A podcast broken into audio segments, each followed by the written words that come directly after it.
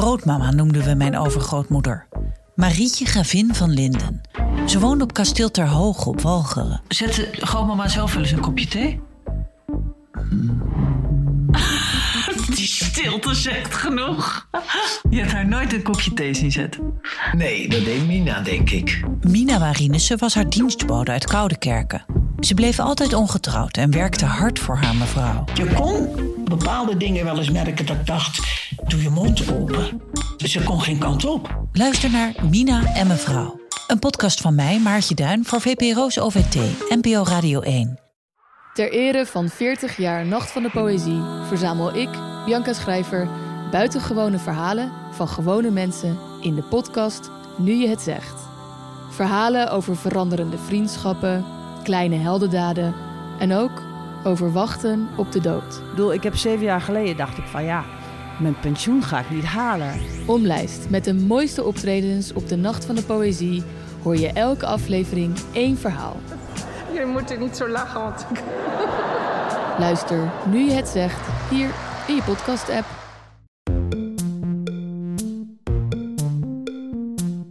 Hallo daar, fijn dat je luistert naar Boeken FM, de literaire podcast van Dasmag en de Groene Amsterdammer. Wij nemen op in de studio van Dag en Nacht Media. Wil je nou nooit meer een aflevering van ons missen? Abonneer je dan nu in je eigen podcast-app en geef ons ook vooral een heleboel sterren en recensies. Dan zijn we ook zichtbaarder voor anderen die ons misschien willen luisteren. Heb je een vraag voor ons of ben je heel erg boos, vooral op Joost? Stuur dan een mail naar boekenfm.dasmag.nl. En we zijn tegenwoordig ook te vinden op Instagram, boekenfm. Nou, wat ik wel grappig vond, ik was dus met een, een man daar naartoe. En ik denk dat hij de enige man in de zaal was. Ik bedoel, jij, Charlotte, jij zei net van, wat, wat is dit? Weet je, het is een soort vrouwenboek. En toen werd ik toch bevangen door een soort haat. Oké, misschien is het zelf haat, ik weet het niet. Maar ik zie al die vrouwen verward zoeken naar hun plaats. Weet je wel, niemand weet precies welke ingang ze moeten hebben. En zo. Dat is gewoon altijd een soort van... Uh, ja, een beetje hilarisch om te zien. Dat je een halve seconde denkt, we zijn toch het zwakkere geslacht. Zijn we klaar voor? Zijn we er klaar voor? Volgens mij zijn jullie er niet klaar voor. Ja, zie ze glimmen. Hallo jongens, welkom bij Boeken FM. En wat een ironie meteen in deze eerste zin. Want ik zeg wel jongens, maar ik zit voor het eerst in de geschiedenis van deze podcast met louter dames in de ruimte. Wat hoor ik jullie denken, lieve luisteraars? Waar is Bob? Waar is Joost nou? Bob eh, die is even druk aan het werk. En Joost is vandaag op, hou je vast, een symposium over postmodernisme in Nijmegen.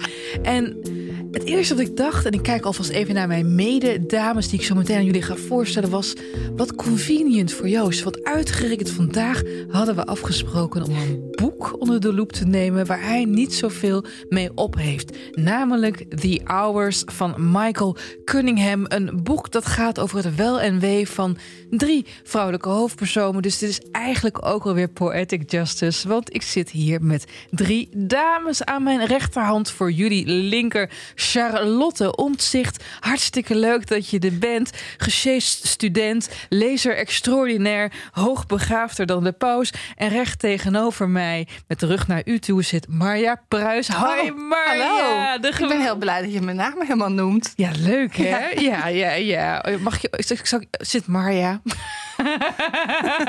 zit Maria Theresa? Nou ja, omdat je? Charlotte op, met een hele onverwachte naam, tenminste voor mij. Nou, we hebben een soort beetje de grap dat Charlotte, ja, die heeft zulke invloedrijke ouders, maar we mogen nooit Oh. zeggen wie dat zijn. Dus ik zeg helemaal dat Pieter Omtzigt haar vader is.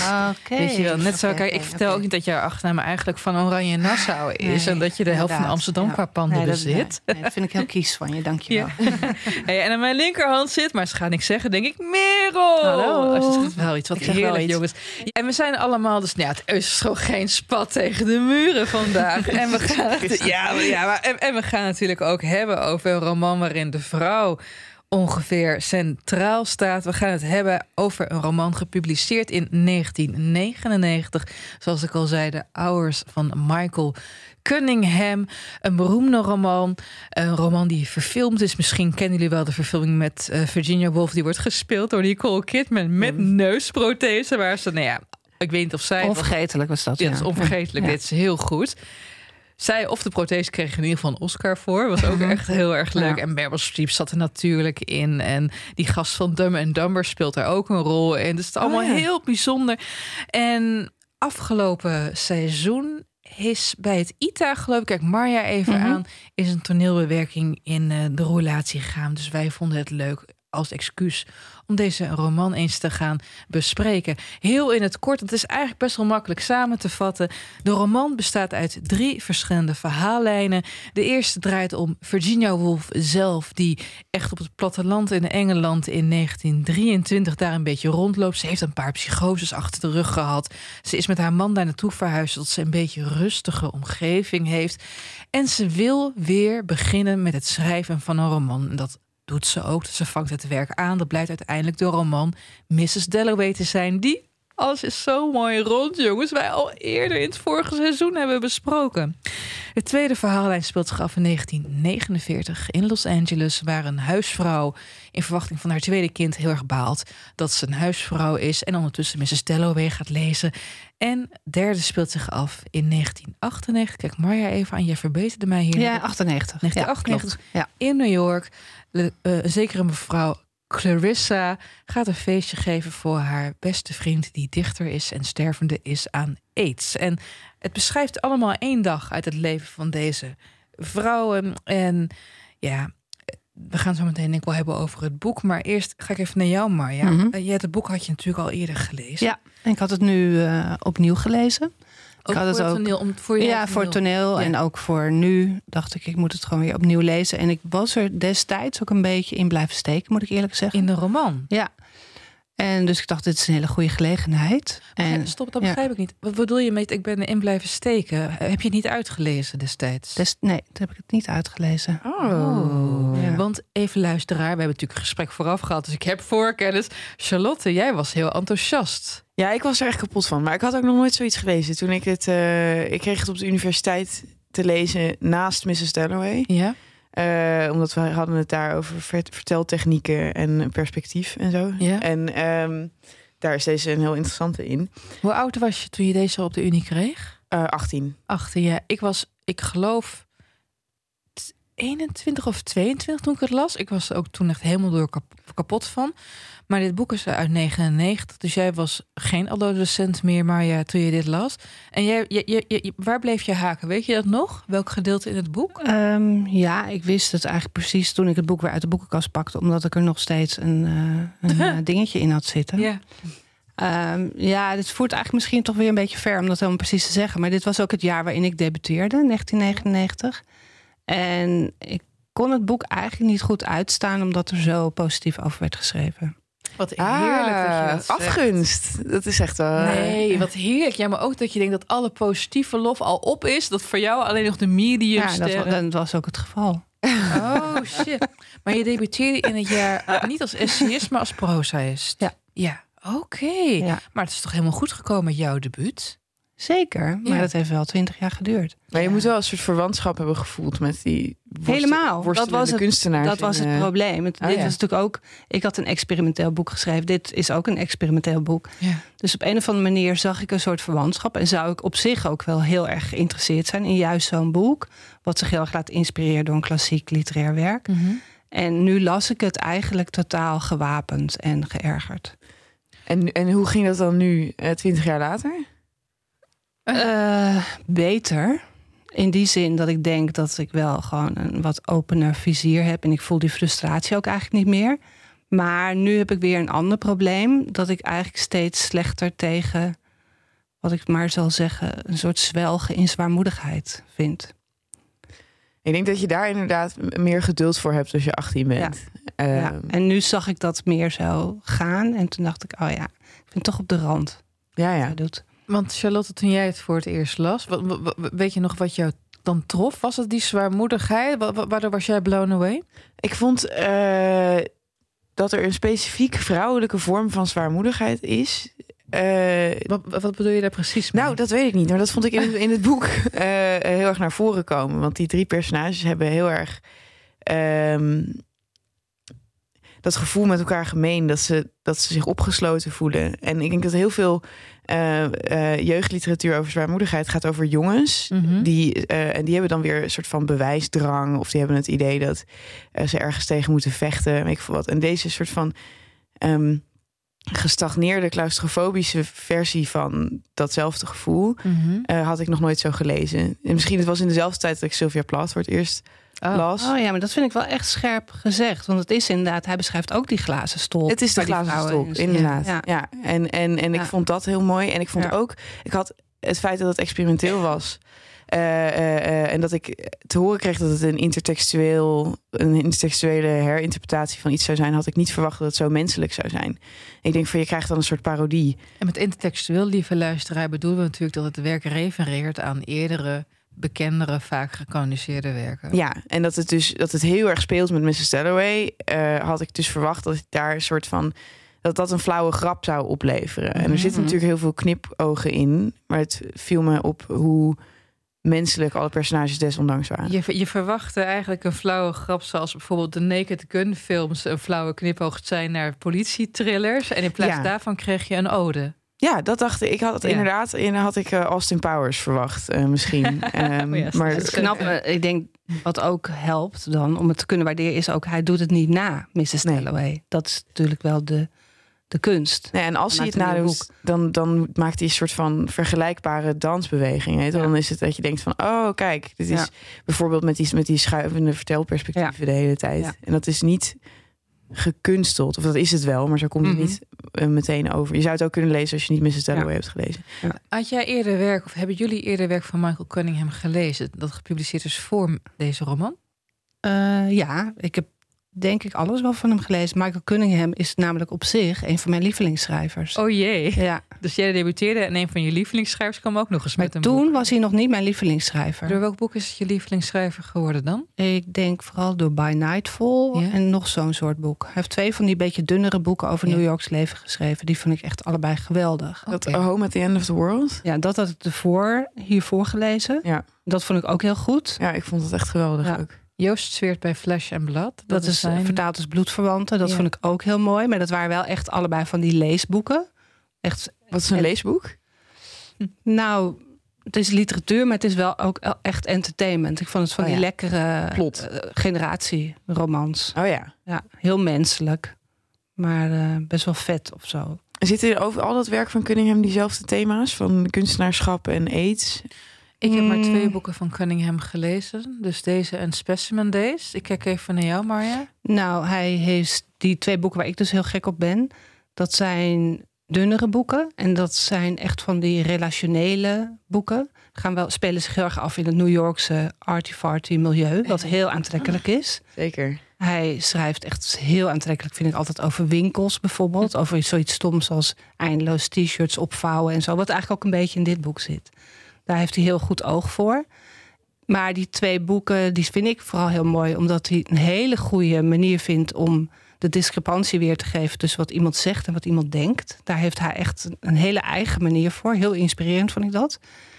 En eh, hij schrijft altijd over levens die, nou, je zou kunnen zeggen, het zijn mooie levens. Mensen hebben de boel op orde, maar dan is er altijd wel ergens een soort tikkende tijdbom. Ja. En dat Oh ja. is wel, het zit dan wel in iemand zelf. En er kan dan net iets gebeuren waardoor iemand totaal van de rails raakt. En dat beschrijft hij echt fantastisch.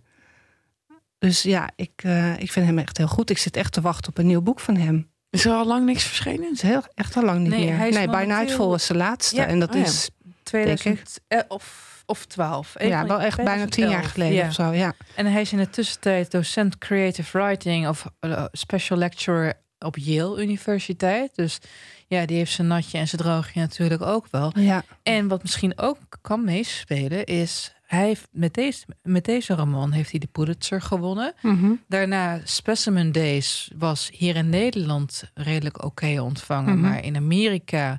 Want ik, ik ben, zoals, ik heb het al vaak in de podcast gezegd, ik ben afgestudeerd op 9-11. Dus Specimen Mhm. Days zat in een van mijn onderzoeken. Was geen denderende roman. Bij Nightfall kwam daarna. Mhm. Maar ja, het is daarna stil geworden rondom hem. Ja. Ja, nou, we weten dus niet Michael Cunningham trouwens geboren in 1952, Mhm. Amerikaans en al. En hij las op zijn vijftiende voor het eerst Mrs. Dalloway. Mhm. En hij was helemaal verliefd op dat boek. En hij heeft altijd gespeeld, las ik in een interview, met eh, het idee om hier ook weer een roman op te enten. En hij heeft jarenlang vastgezeten met die ouders, want hij had maar twee van de drie verhaallijnen rond. Het was de verhaallijn met de moderne Mrs. Dalloway en de Virginia Woolf versie. En op een gegeven moment zag hij zijn moeder staan. Toen dacht hij van, hé, hey, wacht eens even. Ik schuif mijn moeder er ook in. En dat is dus de verhaallijn met die huisvrouw genaamd Laura Brown geworden. Ja, ik vind dat wel de vondst hoor. minst sterke verhaallijn eigenlijk. Oh, Die maar ja, huisvrouw, ja, ja. Ik vind het wel heel goed dat hij er iemand inbrengt die het boek leest. Ja, Dat vind ik toch wel weer heel slim. en het, is ook, escapisme van Ja. lezen zit Ja. er ook heel erg in. ja. En het, het, een beetje het flirten met het idee van ik kan weggaan, maar ik doe het niet. En toch wel helemaal die glazen stolp waar we het net over hadden, die heeft zij wel echt in optima forma. meest. Ja. Ja, ja, Maar ik heb een vraag voor jou. Eh, want jij had het net over dat Cunningham zo goed is in het schuiven tussen eh, gedachten en wat iemand dan Mhm. zegt. En een heel groot deel van deze roman is ook echt intern leven. Mhm. Eh, hoe vertaalt zich dat naar een podiumproductie? Ja, ehm, best wel letterlijk. En de regisseuse, en dat, ik heb een paar kritieken gelezen en het wordt haar wordt gezegd dat dat een hele slimme vondst is. Zij introduceert de schrijver ook in het stuk als persoon. Mm. Cunningham. Ja, dus je moet je voorstellen, het toneelbeeld is een rond beeld wat zo langzaam draait. Dus dat is een manier om al die levens te kunnen zien. Weet je, het is een beetje alsof je in een soort poppenhuis kijkt, maar dan is het dak eraf en dan zie je zo die kamers. En dan staat de schrijver in het midden. En die vertelt dus. En ik denk, ik was met iemand die het boek niet kende. En voor hem was dat wel echt een redding. Oh, ja. Omdat hij er anders echt niets van had begrepen.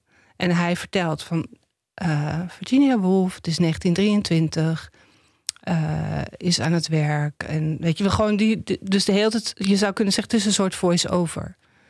En Hmm. eh, Doodzonde in film.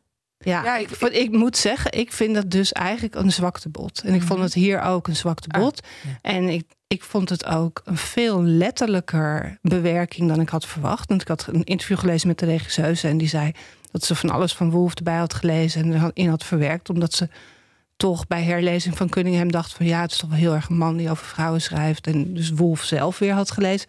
Nou, volgens mij, ik had het boek nog helemaal vers in mijn hoofd zitten. Het is echt helemaal letterlijk het boek. De, de ouders. Ja. Ja. Dus ik Oh. vond het een beetje een. eh, ja, toch alsof ik kijk naar een soort prentenkabinet. Weet je, als gewoon personages komen tot Plaatje leven. ja, eigenlijk. totaal. Ja. Oh ja, wat Jammer. jammer. Wat zonde. Ja. Wat, Nou, en wat wat- je het ge- oh, pardon. Nou, wat ik wel grappig vond, ik was dus met een, een man daar naartoe. En ik denk dat hij de enige man in de zaal was. Ik bedoel, jij, Charlotte, jij zei net van, wat, wat is dit? Weet je, het is een soort vrouwenboek. En toen werd ik toch bevangen door een soort haat. Oké, misschien is het zelf haat, ik weet het niet. Maar ik zie al die vrouwen verward zoeken naar hun plaats. Weet je wel, niemand weet precies welke ingang ze moeten hebben en zo. Dat is gewoon altijd een soort van... eh, ja, een beetje hilarisch om te zien. Dat je een halve seconde denkt, we zijn toch het zwakkere geslacht. Ja, echt helemaal. Ja. En eh, ook gewoon die eerbied. En ik dacht, oh ja, we zitten wel echt ook een beetje op de rand van de Virginia Woolf porno of zo. Mm. Ja, We krijgen daar geen genoeg van om haar te zien lijden en om dat te horen over die stemmen. En dan inderdaad nu begeleid door de, zeg, de meer moderne vrouwenlevens die bloemen moeten kopen en een taart moeten bakken. En tegelijkertijd eh, ja, God van het leven moeten zien te genieten. Op een of andere manier lijkt het dan alsof. Dat zie je vooral nog meer als je zo'n stuk ziet dan dat je het boek leest. Mhm. Zie je dat er zo'n behoefte is. Ik zal nu maar even zeggen bij vrouwen. Misschien hebben mannen op een andere manier kunnen die die behoefte lenigen. Maar bij vrouwen om hun leven, om hun tragiek op een of andere manier een beetje vaag, mysterieus opgetild te zien worden. Mm. door een man. Nou, het maakt niet zoveel uit dat Cunningham een man is of een vrouw, maar gewoon hij heeft wel de, het verhaal gevonden. Ja, Mm. Weet je, het is allemaal dagelijks, en, maar het is het ook net niet. En het is allemaal zwaar. En eh, ja, ik, op, op een of andere manier stond me dat tegen. Dus ik zat al heel snel niet meer in de goede, ontvankelijke positie om van het toneelstuk te genieten. Maar, maar, het valt mij op dat jij dan, misschien was het toevallig de avond waarop jij naar het toneelstuk ging, dat het louter, of, en één man, maar louter vrouwen verder in de zaal zaten. Want in mijn, bij mijn homo-vrienden, everybody knows this book. Iedereen heeft Mhm. het stuk gelezen. Dus het is ook, het is ook een, echt een, een queer klassieker, zo staat het ook geclassificeerd. Maar geen Mhm. homoseksuele mannen of Nou, misschien wel. trans. Ik, ik kan, eh, jullie moeten me vergeven. Misschien of voor het verhaal overdrijf ik een beetje. Oh, nee, maar dat kan ik me heel goed voorstellen. Ik kan me wel heel goed Ja. voorstellen dat, dat vooral vrouwen hier naartoe willen. Want het is ook relatief plotloos of zo. Mhm. Ik heb het idee dat als ik mijn, een man zo ver zou moeten krijgen om met mij naar het toneel te gaan, dat ik dan iets anders zou moeten Ja. uitkiezen dan dit. Maar ehm, Maar goed, ik vind het heel lullig, want het stuk. eh, ik heb er met anderen over gehad die het wel echt heel goed vonden. Hoeveel sterren geef jij het trouwens? Ja, dan krijg je zo'n vlees nog vis eh ster. Tweeënhalf dus. Ja. Maar kijk, als je ziet toneelbeeld, het is heel levendig. Dat is het positieve wat je erover kunt zeggen. En eh Marieke Hebing speelt erin. Nou, dat is Ja. echt geweldig. Wel- Welke rol heeft zij? Zij speelt Clarissa Vaughan, dus zij doet de. New Yorkse. En dat Ja. doet ze echt hysterisch. En zij brengt ook een beetje licht in de zaak. Ja. En de rest is allemaal bedoeld. Virginia Woolf is echt Woolf op haar, in mijn ogen, allerergst. Ja. Gewoon, Oh ja? Dat is, ja, dat is gewoon Chris, Chris Nietveld. Die, is, oh ja. gewoon- die, die zet een hoedje op en die loopt een beetje gebogen. En, En, cliché van gekke. Ja, Oké, maar je zei net al van we krijgen maar niet genoeg van die, die Ja. stemmen in, in haar hoofd. Eh, is dit een soort collectieve aandoening die we hebben dat we heel graag vrouwen gekte, dat we ons daaraan willen ja vergapen? sowieso. Ja. Daar komt de fascinatie met dit boek vandaan. ja, het is het grote vrouwelijke lijden. Ja. Dat, daar kunnen we niet genoeg van En krijgen. Maar en gelouterd, doordat er een, culturele, een cultureel kader omheen zit. Daardoor onder de aandacht gebracht. Vooral het leed dat vaak in het geheim moet. Of waar we niet voor uit Mhm. mogen komen, et cetera, et cetera. Ik Maar weet je wat ik ook het moeilijke vind, toch? Als ik dan toch maar even nu met het herlezen van Cunningham viel me ook op. Als ik het vergelijk met Miss Dalloway, wat we inderdaad Ja. ook niet zo lang geleden hebben besproken. Dat is echt zo'n heel gecondenseerd. Weet je, het is een soort toverbal van een boek. En dat kun je eindeloos opnieuw lezen. En dan zie je nieuwe paadjes. En het is eigenlijk heel licht en lichtzinnig. En Cunningham, die heeft het allemaal uit elkaar getrokken. Op een hele precieze, liefdevolle manier. Dat zie ik ook. Maar het is allemaal unisono, tragisch en, en eh, leidend. Het is wel ernstig. Het is Ja. zwaar. Ja, Het is echt Het is zwaar. zeker ernstig. Terwijl, Ja. terwijl Woef heel, heel eh, geestig schrijft eigenlijk. Ja. Ja, want la- laten we eens naar de. eh, sowieso, want dat vind ik toevallig. We hebben het alle drie herlezen. En dan ga je ook, het, althans dat heb ik als ik een boek herlees, ga ik ook het gesprek aan met mijn eerdere zelf en Mhm. die eerdere duiding die je toen Mhm. had. En hoe was dat voor je? Want ik, als, als, als ik even een voorzet mag doen, hè, ik was dus eh, ado- adolescent toen ik het voor het eerst las, of een ukkie in ieder geval. En ik vond het een verademing om. ehm, en het gaat niet eens zozeer over dat de vrouw de hoofdrol speelt, maar dat er zo werd nagedacht of je wel of niet jezelf in leven moet houden. Dat is voor mij altijd een beetje een soort hamvraag geweest. Zelfdoding zit ook flink in de familie. En dat er op opeens zo open over werd gedacht. Eh, bedoel, ik, ik, ik, ik, was 16 toen ik Mrs. Dalloway las. Maar dat, dat, dat vond ik meer toen... Dat las ik meer als een soort feest van het leven. Als ik, eh, zo- in plaats van dat het meer... een- Dat, in plaats van de meditatie op zelfdoding die het op bepaalde punten ook is. Dat is dit boek. Dit vind ik veel meer een zelfdodingsboek. En ik vond het een verademing om gewoon daarover te kunnen lezen. Mhm. En hoe is het veranderd bij het herlezen? Ik, ik merk dat ik het in mijn hoofd... De herinnering aan dit boek is te erg geïdealiseerd. Ik had net zoals, daar hadden wij het over Maya bij die podcast over Mrs. Dalloway. Mhm. Daar moest ik destijds echt inkomen, omdat ik zulke hoge, zo, zo'n hoge ervaring had. En hierbij, ik begon te lezen en weet je, er zitten parels van observaties in. Er zit de hele, alleen die openingsscène, hoe hij beschrijft, hoe hij fysiek beschrijft, hoe Virginia, want dat moet je weten, beste luisteraar, eh haar zelf toont. Dat is de eerste scène van het boek. Ze loopt die rivier de Aus in, laat haar zakken vol met stenen en nou, daar gaat ze. Dat vind ik tastbaar, dat vind ik zo mooi, zo prachtig geschreven. Maar je zou ook een hele vervelende pet op kunnen zetten. En je zou kunnen zeggen, ja, dit boek gaat over een aantal mensen die graag een genie willen zijn en dat niet zijn. Die ongeacht de rol die zij in het leven hebben, zichzelf als maker, als familielid als geliefde en als denker een totale poseur vinden. Iedereen is heel bang om ontmaskerd te worden. En daartussendoor gaat het over wat zijn nou de speelpunten geweest van het leven. Wat ook een hele sterke troop in het boek is, is wat ook bij Mrs. Dalloway al speelde: het ongeleefde leven. Wat als ik op een zonnige ochtend toch met mijn uh, biseksuele best friend voor de rest van mijn leven in zee was gegaan. En het kwam mij bij herlezing het is goed hoor. En sommige personages zijn heel mooi in de verf gezet. Maar het was een, ik vond het e-, eentonig. Hmm. Ja, uh, ik had eigenlijk allereerst toch een heel groot probleem met het begin van het boek. En dat ah. had ik ook toen ik de verfilming zag. Ja? Ja, ik vind dat wel echt grenzen aan smakeloosheid. Gewoon het begint met die uh, ja, zelfdoning. Ja, en dan hoe hij haar naar stenen laat zoeken. En dan een steen beschrijft, die is groen. En die heeft, of die is, weet ik veel, helemaal precies de kleur. het is wel een beetje zelfmoordporno. Totaal. Ik vond het echt dat ik dacht van, dan mag je gewoon niet komen. En hij maakt er iets moois van. Door haar ook nog in haar laatste momenten te laten denken aan hoeveel ze van haar man houdt. En van haar zus. Ja, dat is dus het verhaal waar wij nooit op uitgelezen raken. Het is gewoon de mooie zelfmoord.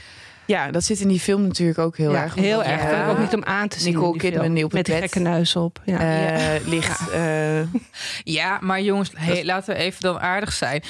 De manier waarop hij focaliseert, waarop hij haar die stem geeft, het, het is zo Wolfiaans om dan gewoon die steen te pakken en te denken: oh, het is niet een cliché steen. Er zit een groenig laagje in en zo. Mm -hmm. Dat vond ik eigenlijk heel knap gedaan. Ja, ik weet niet of dat Wolfiaans is. Het gaat er mij gewoon om. Je gaat naar een moment toe waar je gewoon geen idee idee van hebt. Ja. En dus het is nou, net alsof ik nu de ethicus wil uithangen. Maar oh het is een soort van ja, suicide kitsch of zo, vind ik het. En vind je het heel erg een man over vrouwen? Nee, dat, dat zei je dat nee. die regisseuse dat vond. Uh, ja, maar dat heb, zie ik helemaal niet. Nee, nee dat heb ik dus ook helemaal geen helemaal niet. Van. Nee, heb echt geen last van. Maar heel even nog over dat, over dat, dat, dat, dat, dat, dat smakeloze. Ik moet dan denken aan een aflevering die we hebben gemaakt over Virginia, of uh, over Sylvia Plath. Uh, haar dochter heeft op een gegeven moment, uh, haar dochter Frida, heeft op een, op een gegeven moment een gedicht geschreven over de zelfdoding van haar moeder. En dat haar moeders leven verfilmd zou worden met.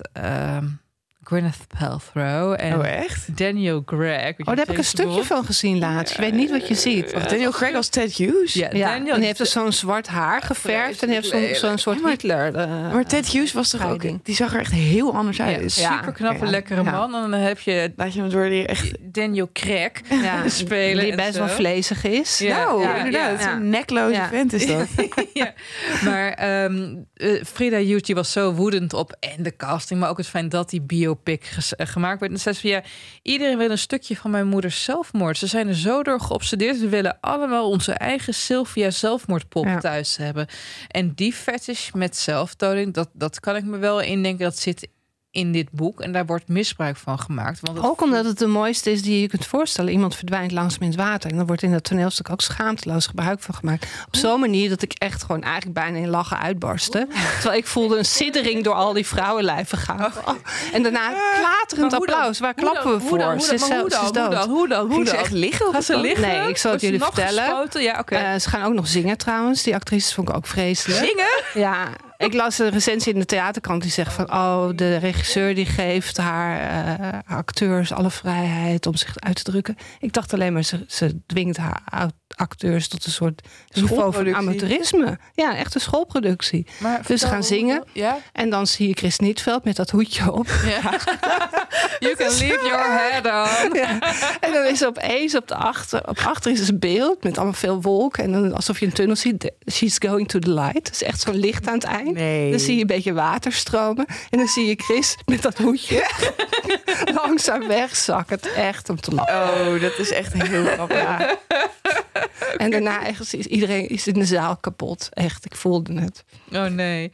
Maar, maar goed, jij, jij hebt het dus nu eigenlijk voor het eerst uitgelezen, dit boek. Dus jij hebt het deels Dus ik ga even terug naar jou, Charlotte. Jij was dus blown away. Nou, ik vraag me wel af, is het per definitie plat om ons op deze manier te vergapen aan de vrouwelijke zelfmoord? Dat weet Kun je je even voorstellen dat je in slow motion zit te kijken naar Sylvia Plath, die de oven open doet en haar hoofd erin legt? Dit is, dat willen we niet zien. Nee, nee, nee. Ik bedoel, als ik er een beeld bij moet hebben, dan is het ineens wel echt extreem tenenkrommend. Maar het heeft echt iets voor mij betekend als tiener of als, als jonge student. Wat dan? Wat deed het met je? de wanhoop die deze vrouwen voelen terwijl ze eigenlijk in een comfortabele situatie zitten, Mhm. daardoor voelde ik mij gekend. Dat is echt super Mhm. simpel natuurlijk, maar de meeste mensen die zijn wanhopig zonder dat er echt iets aan de hand is. Ehm, Ja, maar dat is toch ook wel het mooie van die Laura Brown figuur in het boek. Dat die de hele tijd dat zegt. Hoe kan het dat deze vrouw er een eind aan heeft gemaakt? ja, terwijl ze zelf ook ongelukkig is, Ja. terwijl er niks aan de Ja, hand is. nee, in- inderdaad. Dat ze een hele Ja, lieve man ja, heeft en weet ja. wat. Ja. Ja. Ehm, Dus die ontzetting zit in haar ook. En wat ik ook leuk vond, eh, denk ik, wat dit boek laat zien, is dat je geliefd kunt zijn als zwaarmoedige en ingewikkelde vrouw. Eh, die eigenlijk niet tegen iedereen even aardig is. En die vooral met haar eigen werk bezig is. En die vooral haar eigen, met haar eigen geest bezig is. En dat er dan nog steeds mensen van je zullen Ja, houden. en altijd naar je op weg zijn om te, je te zoeken als je opeens weg bent. Ja, die Ja. belofte zit erin. Ja. En dat is misschien Vond niet ik ook heel waar, mooi, hoor. maar vond ik wel troostrijk. Ik denk Ja. van, eh, je, je hebt dus nog steeds recht op een Leonard, ook al ben je zo onuitstaanbaar als Virginia. Dus Leonard Ja. Wolf, de man van eh, die eigenlijk Ja. zijn hele leven in teken stelde van haar ziekte en, Ja. eh, en Ja. het van haar werk. Oké. Ja, en, ook- en echt voor haar zorgde ook. Ja. ja. echt een mantelzorger was Nou, hij. en het geheimpje dat, dat Laura koestert, namelijk dat ze eigenlijk vermoedt stiekem dat ze een genie is. Ja. Daarin kan denk ik iedereen zich wel vinden, toch? En dat zegt zij ook van, Oh, dat, zal, dat nee. zal iedereen wel... Nou ja, ik denk als je heel jong bent en dan staat zo van, oh, ik denk geval dat je bijzonder bent. dat je bijzonder bent en onbegrepen. Ja. Eh, eh, En wat ik ook weer mooi vind in haar, dat wat je denkt dat je maakt, dat het mooier is dan dat het uiteindelijk is. Met die Ja. taart. Dat hebben ze allemaal, toch? Ja. Richard heeft het ook met dat boek dat dat maar, niet, dat maar niet wil werken. En eh, En dan krijgt hij die prijs en dan denkt hij, want dat is in het boek, de dag is de dag dat het een feestje wordt. Want Richard krijgt een prijs. prijs voor poëzie En dan ooit. zegt hij van ja, maar ik krijg die prijs alleen maar omdat ik ziek ben. ja. ja, maar dat gevoel, dat moet toch ook iedereen Ja. Herkennen. Ja, Dus ik ben- altijd een, je kan altijd een excuus bedenken. Ja, daarom willen ze Ja. opeens. Nou ja, ik, Ja. ik sprak de laatste, ik ga even geen namen noemen, maar met een zwarte vriendin van mij die ook in de letteren actief is. En die is heel cynisch. Zei ze, ja, sinds Black Lives Matter word ik op elk podium gevraagd. En ik vind het kut.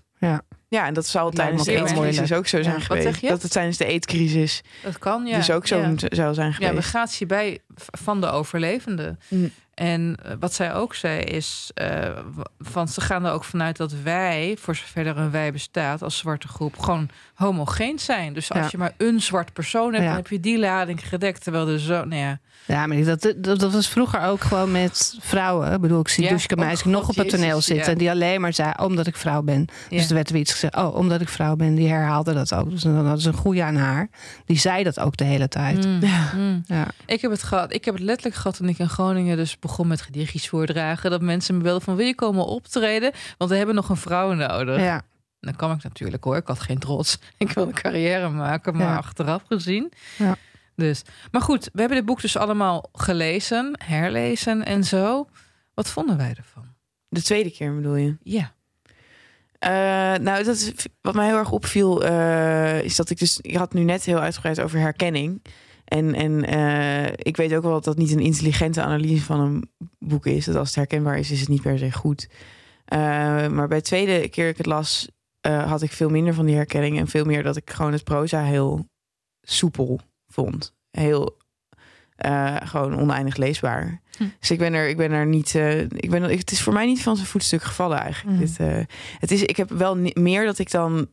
Wat ik eerst echt een heel slimme zet vond met die drie vrouwen. Denk ik nu van ja, oké. Maar, maar wat er nou uiteindelijk goed aan is, is meer eh, gewoon het proza zelf. En ik vraag me af of, we- of. Ik vraag me wel af of het zo intelligent zou zijn gevonden als het niet deze soort Als van die link niet drie- had. Als het deze Ja. drie lagen niet had gehad. Ja. Als het gewoon een roman was geweest over een vrouw en haar leven. Nee, want het heeft die wolflaag wel echt nodig. Dat je Mhm. denkt dat het iets met haar te maken Ja. heeft. En dat geeft dus ook een zekere air van, Ja. van intellectueel, eh, Zeker. intellectualisme als iets gebaseerd is op een klassieker. En zo. Ja. Ik vond het ook eh, wel een mooie constructie. En wat ik slim vond was, omdat er toch iets potentieel tedious in het boek zit, vond ik. Dat hij gewoon allemaal korte hoofdstukken, ja, klinkt Ja. heel banaal. Maar dat dacht ik, oh gelukkig, het is weer afgelopen, ga naar iemand anders. Ja, Nou, interessant Ja. gedachte-experiment. Dit boek had niet langer moeten zijn. nee, absoluut niet. Nee. Je moet het eigenlijk in één keer lezen. Je moet het in één keer lezen. Want Ja. dit boek, Ja. lieve luisteraar, is 225 pagina's. Dalloway is 175, die versie die wij hadden gelezen in het Mhm. voorjaar. dit is op een gegeven moment wel begonnen een beetje de keel uit te hangen. Want ik vind het monotoon. Mhm. Zo van, er gebeurt iets. Oh, kak, ik ben geen genie. Oh, kak, ik schiet tekort. Hoe kan iedereen van me houden? Oh, had ik 30 jaar geleden maar een andere keuze gemaakt. Oh, kak, het is alweer bijna vijf uur. Ik moet eten. Het laveert tussen het, het extreme en het alledaagse. En je uh, het is wat dat betreft herkenbaar. Want net zoals, ik weet hoe het met jullie zit, maar soms zit ik de wc schoon te maken. denk ik even aan mijn eerste liefde. En in ieder geval de mythische proporties die liefde in mijn herinnering heeft gekregen. En Mhm. dan ga ik door met de toiletbril schoonmaken en zo. En daar gaat dit boek eigenlijk ook heel erg om. Ja. Hoe je het grootste in het alledaagse beleeft. Maar op een gegeven moment dacht ik van ja, ik ken het. Ik ken het trucje nu wel weer. Ja, en ik vond het wel nu bij herlezen vond ik het hechter dan ik het me herinnerde. ik vond en ook misschien ook omdat ik Mrs. Dalloway's verser nu in mijn geheugen Ja. had, dacht ik, oh, hij heeft ook wel iets gevonden om ook mensen terug te laten blikken op een tijd waarin ze echt helemaal gelukkig, of in ieder geval waarin ze dachten alles moet nog gebeuren. Weet je wel, de betekenisvolle kus. Ja. Waar ze allemaal aan terugdenken. En, Ja, ja, eh, ja. dacht ik, oh ja, dat heeft hij hierin gestopt. Vond ik ook wel weer heel mooi. Het grappig dat je dat, dat jij dat een pluspunt vindt. Ik vond juist die hechte compositie. Want, eh, want beste luisteraar, er wordt heel veel gedubbeld. Hè. Er zijn inderdaad een aantal betekenisvolle kussen tussen vrouwen, tussen zussen onderling, tussen een, eh, nou ja, een- tussen een biseksuele man en een later lesbische vrouw. Er zijn in elke scène wel gele rozen, die telkens weer iets nieuws betekenen. Er is telkens een soort van iemand die eruit wil stappen.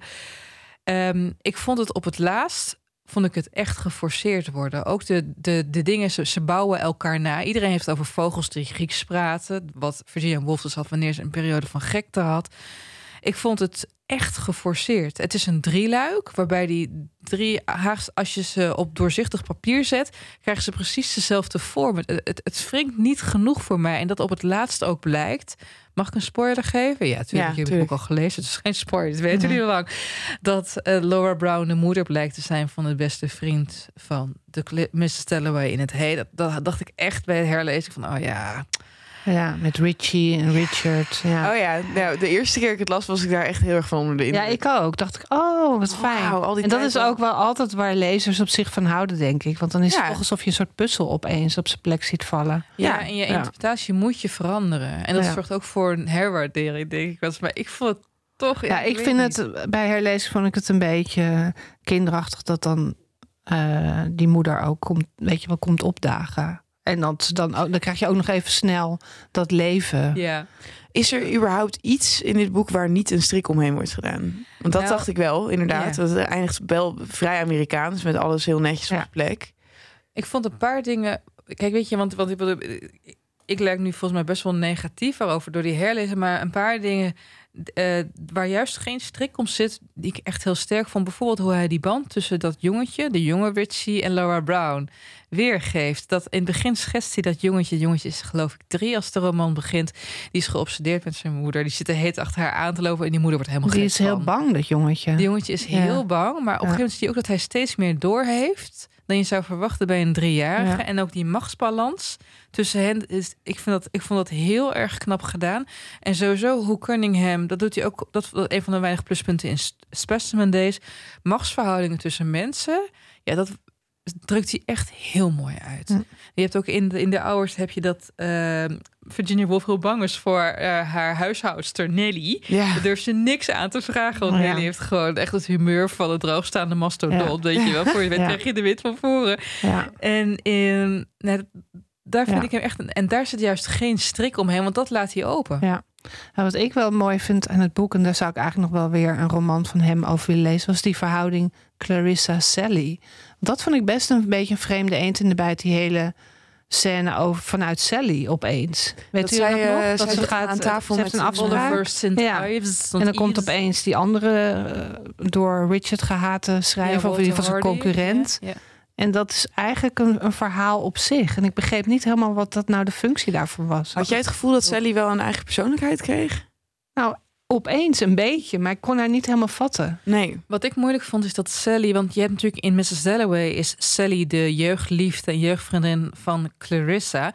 En verderop in Mrs. Dalloway gaat de man van Clarissa eh, Richard die gaat wat eten met iemand met een diner waar Clarissa dan niet voor is uitgenodigd. En in deze roman is Clarissa Van ook super gefrustreerd dat zij niet met Sally Ja, mee mag naar de afspraak. Ja. En ik vond dat een heel geforceerde dubbeling. En ik denk dat daar ook die slordigheid erin zit. Want Sally is in die Oh. scène zowel Sally Seaton uit Dalloway als Richard Dalloway uit Dalloway. En oh, ik, ik vond ja, daarom gaat het een beetje Ik vond vreemd. het- ja. Maar ja, het, ik vond het wel op zich ja, leuk verhaal of zo. Dat ze dan met die Walter ook nog even de stad in gaat. Nou ja, en dus naar zo'n fijne winkel gaat en t-shirts gaat kijken. Ja, En dat zij dan opeens bevangen wordt door het idee... oh, ik, ik neem nooit een cadeautje mee naar huis. ja. Ik ga toch maar weer even bloemen kopen. En dat ze het ook heeft over de inflatie van ik hou van je. Ja, dat, dat vond ik wel echt- mooi. Dat zeg maar, ja, we maar dat is een. Cunningham roman op zich. Ja, ja, ja, ja, ja, ja, ja.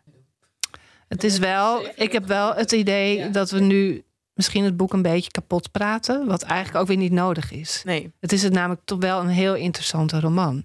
En eh, het heeft meer, denk ik, met van alles wat mij betreft eromheen te maken. Wat me dan gaat ergeren. Waardoor ik het boek ook anders ga waarderen. Nou ja, je doorziet gewoon het, het mechanisme en Ja. dan is de magie er een beetje Ja, dat Ja, daarom is het het is de eerste een keer trucje, bezig. vond ik. Maar weet je, ik blader er nou doorheen en ik zie zoveel hartjes ook in de kantlijnen staan. Want ja, hij heeft wel een hele mooie manier om de onmacht om tot elkaar door te dringen Mhm. te beschrijven. En dat je het beste met elkaar voor hebt en elkaar toch niet kan redden. Dat vind ik heel erg mooi gedaan hierin. Maar nogmaals, ik denk dat het bij gratie van Mrs. Dalloway ook extra goed is. Mhm. En ehm, kijk, ik weet niet of jullie dat wel eens hebben gehad, dat een, dat een later werk van een auteur de geloofwaardigheid van het eerdere werk totaal op losse schroeven zet.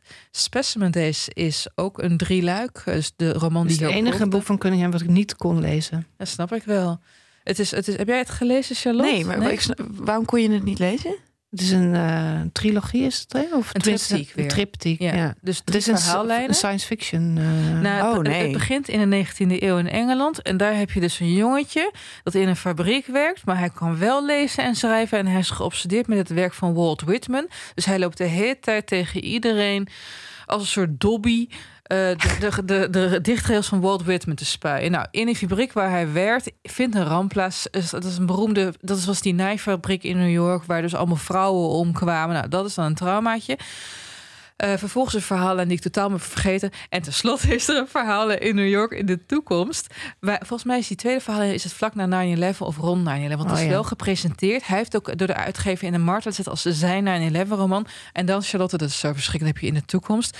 Dan lopen er door New tegen. York lopen er robots rond. ja, dat. Echt die met robots. eh, jou aanspreken en dan Walt Whitman tegen je gaan citeren. Oh, of nee. Emily Dickinson. En door die roman dacht ik echt van Jezus. En ehm, bij herlezing zag ik opeens ook de, de, de bluffpoker. Ook van, van de ouders. Ook omdat Specimen Days best wel veel gemeen heeft qua opzet. Er is, er, er- het is een drieluik.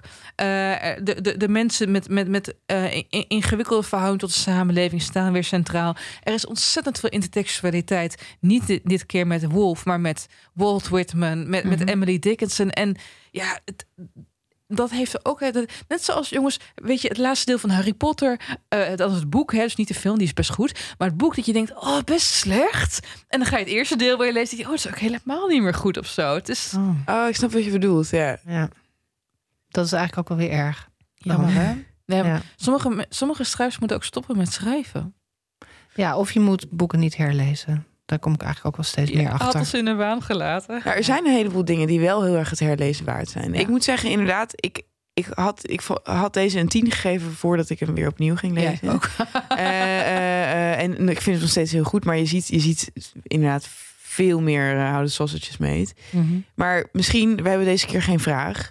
Maar als we toch een paar boekentips willen geven, welke zijn er nou wel het herlezen waard? Ah, welke leuk, kun je echt ja. keer op keer lezen en dat je er steeds meer achter komt, zeg maar. Hoe goed het is. Hoe goed het is. Mrs. Dalloway. Dat, eh, dat- dat sowieso. Dat was ik bij herlezing. Ja, ik zit nu wel snel te denken. Ik ben gewoon zo'n frantic lezer dat ik altijd bang ben dat ik te weinig kan lezen. je bent helemaal geen herlezer. Nee, eigenlijk niet. Als kind echt ongelofelijke herlezer. Ja. Maar als kind kun je boeken gewoon 50 keer lezen. Maar zonder even, dat- wat, wat herlas je als kind dan? Nou ja, mijn eeuwige lievelingsboek is Vingertje Lik van Daan Zonderland. En niemand kent dat boek. Maar... Nee, ik heb nog nooit even in shock naar jou. Vingertje ja, Het klinkt nu ook heel ja? goor. Vingertje Lik. Ja, dat is echt heel smerig. het gaat over een jongetje, wat uh, de zoon van een groenteboer die ziek is. En die, naar, die ligt in zijn bed, die kijkt naar het behang. En het behang is met stippen en strepen. En die stippen en strepen gaan bewegen, maar hij heeft koorts. En dan komt er een kat, of hij heeft een kat. En maar in ieder geval gaat die kat opeens tegen hem praten. Dit klinkt allemaal heel afschuwelijk, maar met die kat beleeft hij avonturen. Het is een boek. Het is echt, ik, ik vond het een fascinerend boek. Ik heb het 30.000 keer gelezen. Ik heb er één keer over geschreven in De Groene. En toen hebben hele lieve lezers mij allemaal versies gestuurd van het boek. Want ik was mijn exemplaar kwijtgeraakt. Nee, wat leuk. Ja, echt heel leuk. Ik zie dat het ook een gedicht is van Annie M. G. Schmid. Klopt dat? Kom je oh, hier achter? Ja, ik zeg het verkeerd. Ja, dat dacht ik al. Oh, ik wat goed dat je dat zegt, Merel. Het is ja. knikkertje lik. Hoe? Knikkertje lik. Knikkertje? Ja, okay. knikkertje. Hij heeft een knikker waar hij aan likt. Dus dan 50.000 keer lezen. ja, sorry. Omdat ik zo denk, het is iets goors. En dan kom ik dus gewoon heel Freudiaans op dat vingertje. Sorry. Ja. Oh, dat is nog versmeren. Dat is ook heel raar. Ik zit echt dingen voor me nou. Die... Ik heb echt spijt dat ik dit nu heb weggegeven. Want het is echt een heel mooi boek. Maar is het een jeugdboek of is het een jeugdboek? Oké, okay, nou, ik ben wel benieuwd. Uh, ik denk welke ik... Uh, ja, als je er de tijd voor hebt, uh, steeds moet herlezen, is Anna Karenina.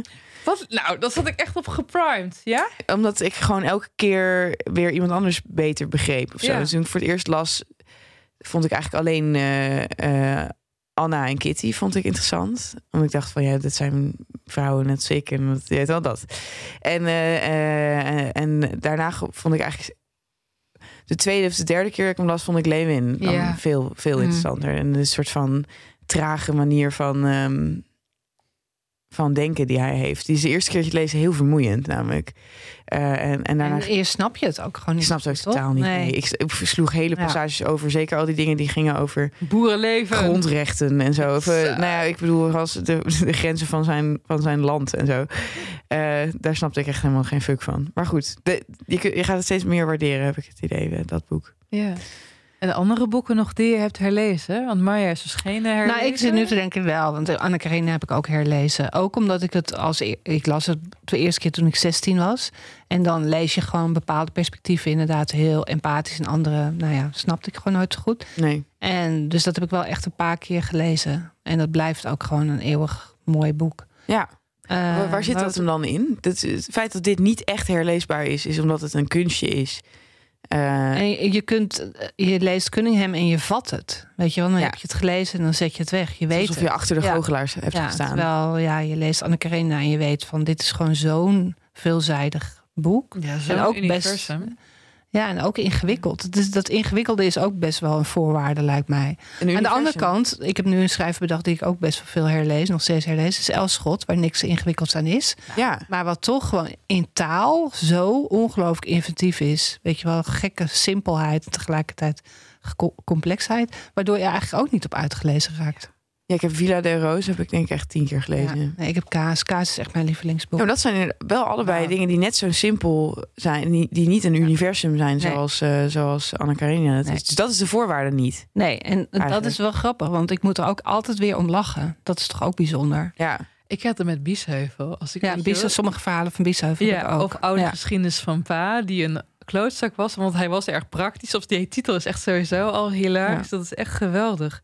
Ik heb het nou om in de rusten te blijven. Ik ben nou voor een leesclub die ik in Drenthe ga leiden. Ben ik voor de tigste keer Eerste Liefde van Turgenev oh, aan het herlezen. En dat was ik toch nog steeds aangenaam door, uh, door verrast. En er is een aantal boeken dat ik heel vaak heb herlezen. En eentje daarvan, uh, ik, ik herlas vroeger elk jaar in de zomer heel erg, maar Nevelen van Avalon van Marion Zimmer Bradley. Oh, ja. Tot ik ontdekte dat zij uh, niet alleen kinderen heeft misbruikt, maar ook haar man, die een veroordeeld pedofiel was, aan kinderen heeft geholpen om te misbruiken. Oh my god. Ja, dat is geen en fun fact. Kon ik eh, die, ja, opeens kon ik die roman kijken, want Nevelen van Avalon nog steeds heb het van de zomer nog geprobeerd, maar ik kon het gewoon niet meer mhm. opbrengen. Dat ik, ik, ik walgde daar zo van. Terwijl die roman is een pleidooi. Vooral om je als vrouw. Het, het, het, het ademt de bovenwaarts. Van je wordt tot vrouw gemaakt. En nu is het Camelot. Maar wees jezelf. En het, het, is, het, is, het is spiritueel opzicht. En hoe het met religie gaat heel sterk. Maar ik kon het. Het was bedorven. Mm. Oh ja. Ik kon het niet meer herlezen en ervan genieten. Mhm. Dus dat is echt zonde. Ja. Maar ik heb, eh, ik heb eh, begin dit jaar heb ik weer over minder Arthur te blijven. Wat ook echt voor mijn evergreen blijft. Arthur, The Once and Future King van T.H. White. Oh ja. Nee? Heb je Het is niet- allemaal not my cup of The tea. Once a maar- Future King. Not your Wie heeft het nou ook weer de hele tijd over The Once a Future King? Nicolie Missees gehad. Ja, Ja. nou, dat was het. Ja. Maar dat, dat bleef ook overeind. Mhm. Maar goed. Wat ik ook, nog- dat is nu te bedenken, wat ik vaak herlees, zijn verhalen van Laurie Moore. Laurie Amerikaanse Moore. schrijfster. Die Nooit is echt geweldig. Die Ja? is eh, echt heel geestig. Welke, welke collectie ra- raad je aan? Eh, like Life is heel mooi. Like Life. Ja, maar Birds of America is ook heel mooi. Nou, alles is gewoon goed. Ik heb nu net weer een nieuwe bundeling gekocht, Collected Stories. Eh Self-help is heel mooi. Anagrams. Nou, eigenlijk is alles goed. Genoteerd. Ja. Oké. Laurie Moore. Ja. Oké. Ik denk ik dan nog ter afsluiting ehm, een vraag aan jullie heb over dit soort boeken. Ja. Wat vinden jullie van het gegeven dat je eh, je boek helemaal baseert op een ander literair werk? Jij hebt het gedaan met je debuutroman. Niet. Eh, ja, maar op een veel getraptere manier. Leg beter uit. bedoeld, maar ja. Ja, nou dat Veel beter.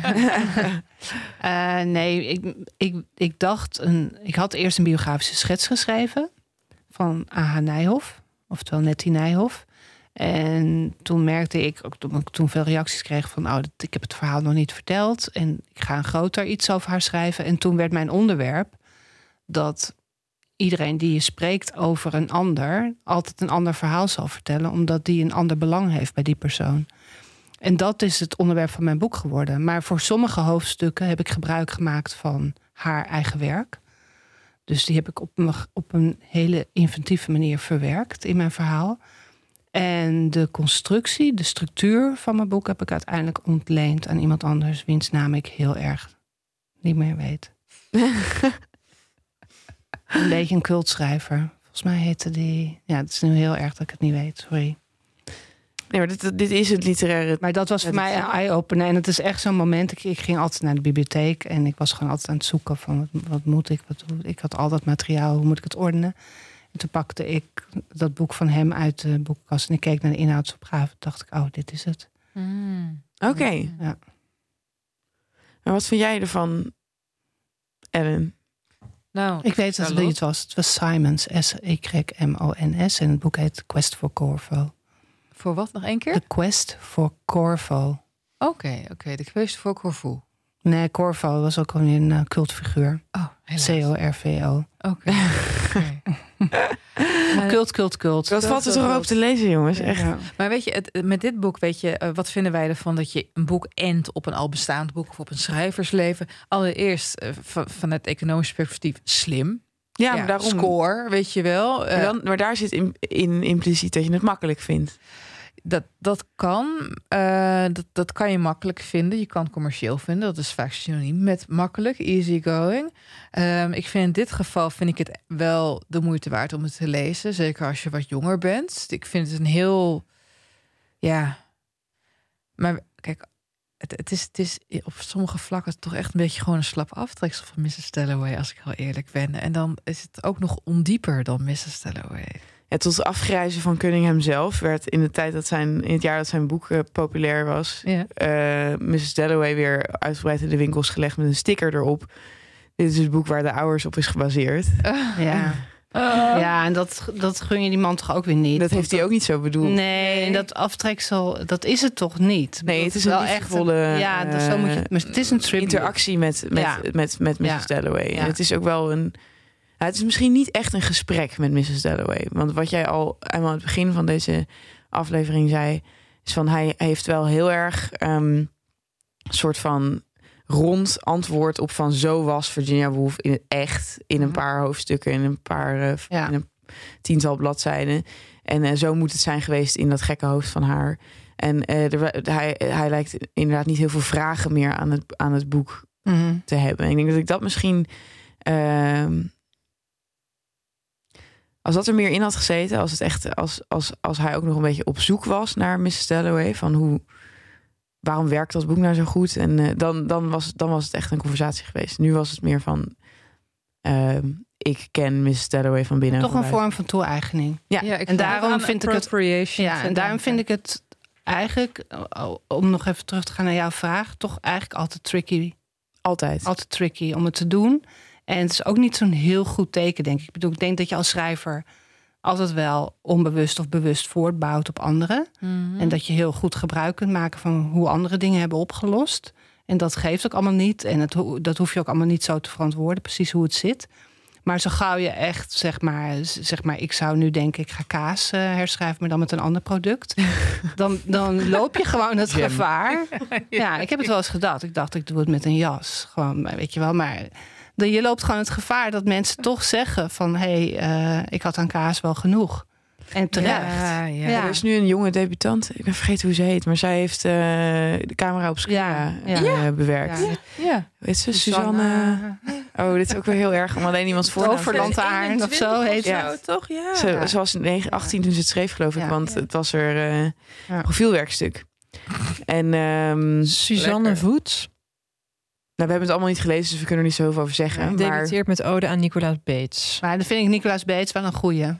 Maar dat, ik, wat mij opviel hieraan is, want ik heb het dus nog niet gelezen, maar eh, is de marketing daaromheen. Ja. Dat is het verhaal. Nicolaas ja, en niet om haar. Ja. Nee, maar het is, eh, wat is er leuker dan een jong meisje die een, een stoffige 19e eeuw die Precies. niemand meer leest. Het is bijna dat zij in een soort van kinderpakje op een oudstoffig boek zit. En dat, Ja. dat vinden we dan leuker aan, Ja. inderdaad. Dat, Ja. dat, dat viel mij hier heel erg aan op. Dus in die zin is het wel marketingtechnisch heel slim. Het om, is heel eh, slim. Maar ik moet ook denken aan, ik ben even de auteur kwijt, maar Pride and Prejudice and Zombies. Ja, Oh ja. of eh, de Lizzie Bennet Diaries. Ook een, eh, Oh, een, dat dat is ook een tiener spin-off van, eh, van Pride and Prejudice. Ik, ik luisterde nog een Ja. podcast over de ouders. En daar zei iemand dat dit eigenlijk gewoon een rip-off is van Mrs. Dalloway. Zoals Clueless een rip-off is van Emma. Oh van ja. Jane maar. Clueless is een geweldige herinterpretatie ja, van dat Emma. is een fantastische dat is een op zichzelf staande film ook, Ja. vind ik. En nu we toch aan het einde zijn aangekomen, durf ik wel nog even eh, de ouders in verdediging te nemen. Het is ook op zichzelf staand een goed werk. Ik denk misschien als je het Mrs. Dalloway niet hebt gelezen, dat je dit dan heel interessant vindt. Zeker. Het Omdat je- wel een beetje Wolflight. Ja, als je, en, en daarom Wolf was Zero. ik heb toen in- dus in dezelfde maand Wolf voor het eerst gelezen als dat ik dit eh, las. Ja. En het hielp mij toch eh Wolf op een manier aanvliegen dat ik het goed kon begrijpen. Mhm. Omdat, het, omdat eh, hij eigenlijk de vrij simpele en kinderlijke zet maakt van... kijk, vrouwen zijn ook... In 1999 zijn ze ook zo als ze toen waren. Ja. Wel, nou ja, oké, Ja. dat had ik blijkbaar nodig toen ik 18 was. Ja. En als dat mensen eh, een reden geeft om Mrs. Dalloway te lezen, dan is het alleen maar gunstig. Ja, tuurlijk. Ja. Amen. Zullen we cijfer geven? Laten we, laten we beargumenteren en becijferen. Zal ik een voorzetje doen? Mm. Ehm, prachtige karakterschetsen, soms hele mooie beelden. Bij herlezing vond ik het wel echt eentonig, af en toe geforceerd, ge- te symbolisch, soms niet geloofwaardig. Eh, dat gezegd hebbende leven Virginia Woolf en ik geef het een 7. Oké. Ehm, ik hou van Cunningham. Dus nu ga je echt een drie geven. Nee, dat, nee, nee, nee, juist niet. Kunnen dat stemt mij zijn? sowieso Ja, ja, gunstig. Ja. En ik, vind, ik zie ook nog steeds wel dat het gewoon een waagstuk is. En het is ook ja, op een hele fijne manier een soort instapliteratuur of zo, denk ik. Omdat je gewoon ook ja daarna Wolf kunt gaan lezen. Dus ja, het is allemaal, ja, wat dat betreft gewoon mooi, nobel. Eh, ik geef het een eh zeven. Kijk. Eh, ik vind eh, het proza heel erg eigen en heel erg eh, ja, soepel, mooi, simpel. Ik ehm, vind dat het voor het experiment met de vorm dat het is, eigenlijk gewoon hoeft, had niet heel veel intelligenter gehoeven dan dit. We hoeven ook niet van alles een eh, universum te maken. Ehm, dus ik geef het een acht. Een 8. Nou, dan komen we. Ja, ik heb dus bij onze vorige aflevering gehoord dat ik er telkens naast met mijn berekening, maar op ongeveer een 7,3 uit voor The Hours van Michael Cunningham, dames. In, ons, in de afwezigheid van onze Joost. Joost, Ja. wat vond hij er nou verkeerd aan? Ik heb geen flauw idee. Zullen we dat de volgende aflevering, moeten jullie ook weer luisteren, lieve luisteraars, eens even aan hem vragen? Ik ben zo benieuwd, want het leek me nou net iets voor hem. Ja, maar daarom juist. Misschien dat hij dan ook territoriaal wordt. Kijk jou even aan, Marja, want jij kent Joost het beste van ons drieën. Heeft hij ooit tegen jou zijn hart gelucht over Michael Cunningham en de Hours? Uh, nee, ik weet wel dat Joost ook wel veel van Cunningham leest. Ja. En hij zei, we hadden het even over dit boek. Hij zei van ja, maar ik vind het begin wel heel goed. En juist die openingsscène. Ja, dacht ik nou. Uh, nou, maar goed, vraag maar aan hem. Ja. Goed gedaan, broer. ja. Oké, okay, Virginia, don't go into the light. ja. En uh, bedankt voor het luisteren, jongens. Bedankt voor het luisteren. Volgende keer weer met je. Ik heb hem wel gemist trouwens, jongens. Volgende keer weer lekker met broer Joost. Ja, heeft... Nee, dankjewel. Ja. Hoe, nee, hoe leuk van Marja oh, nee, dan moet ik weer de rest van het weekend hier even Marja verplegen. Het is nee, fantastisch dat je erbij bent. Maar Wat een stelletje, wij vinden leuk. Ja, we proberen... Sorry, hè. Oh, jongens, even. Ken je de ene aflevering van Rick en Morty... waarin ze dan op een planeet komen waarbij alleen maar vrouwen leven... en een standaard goed is... praat met mij.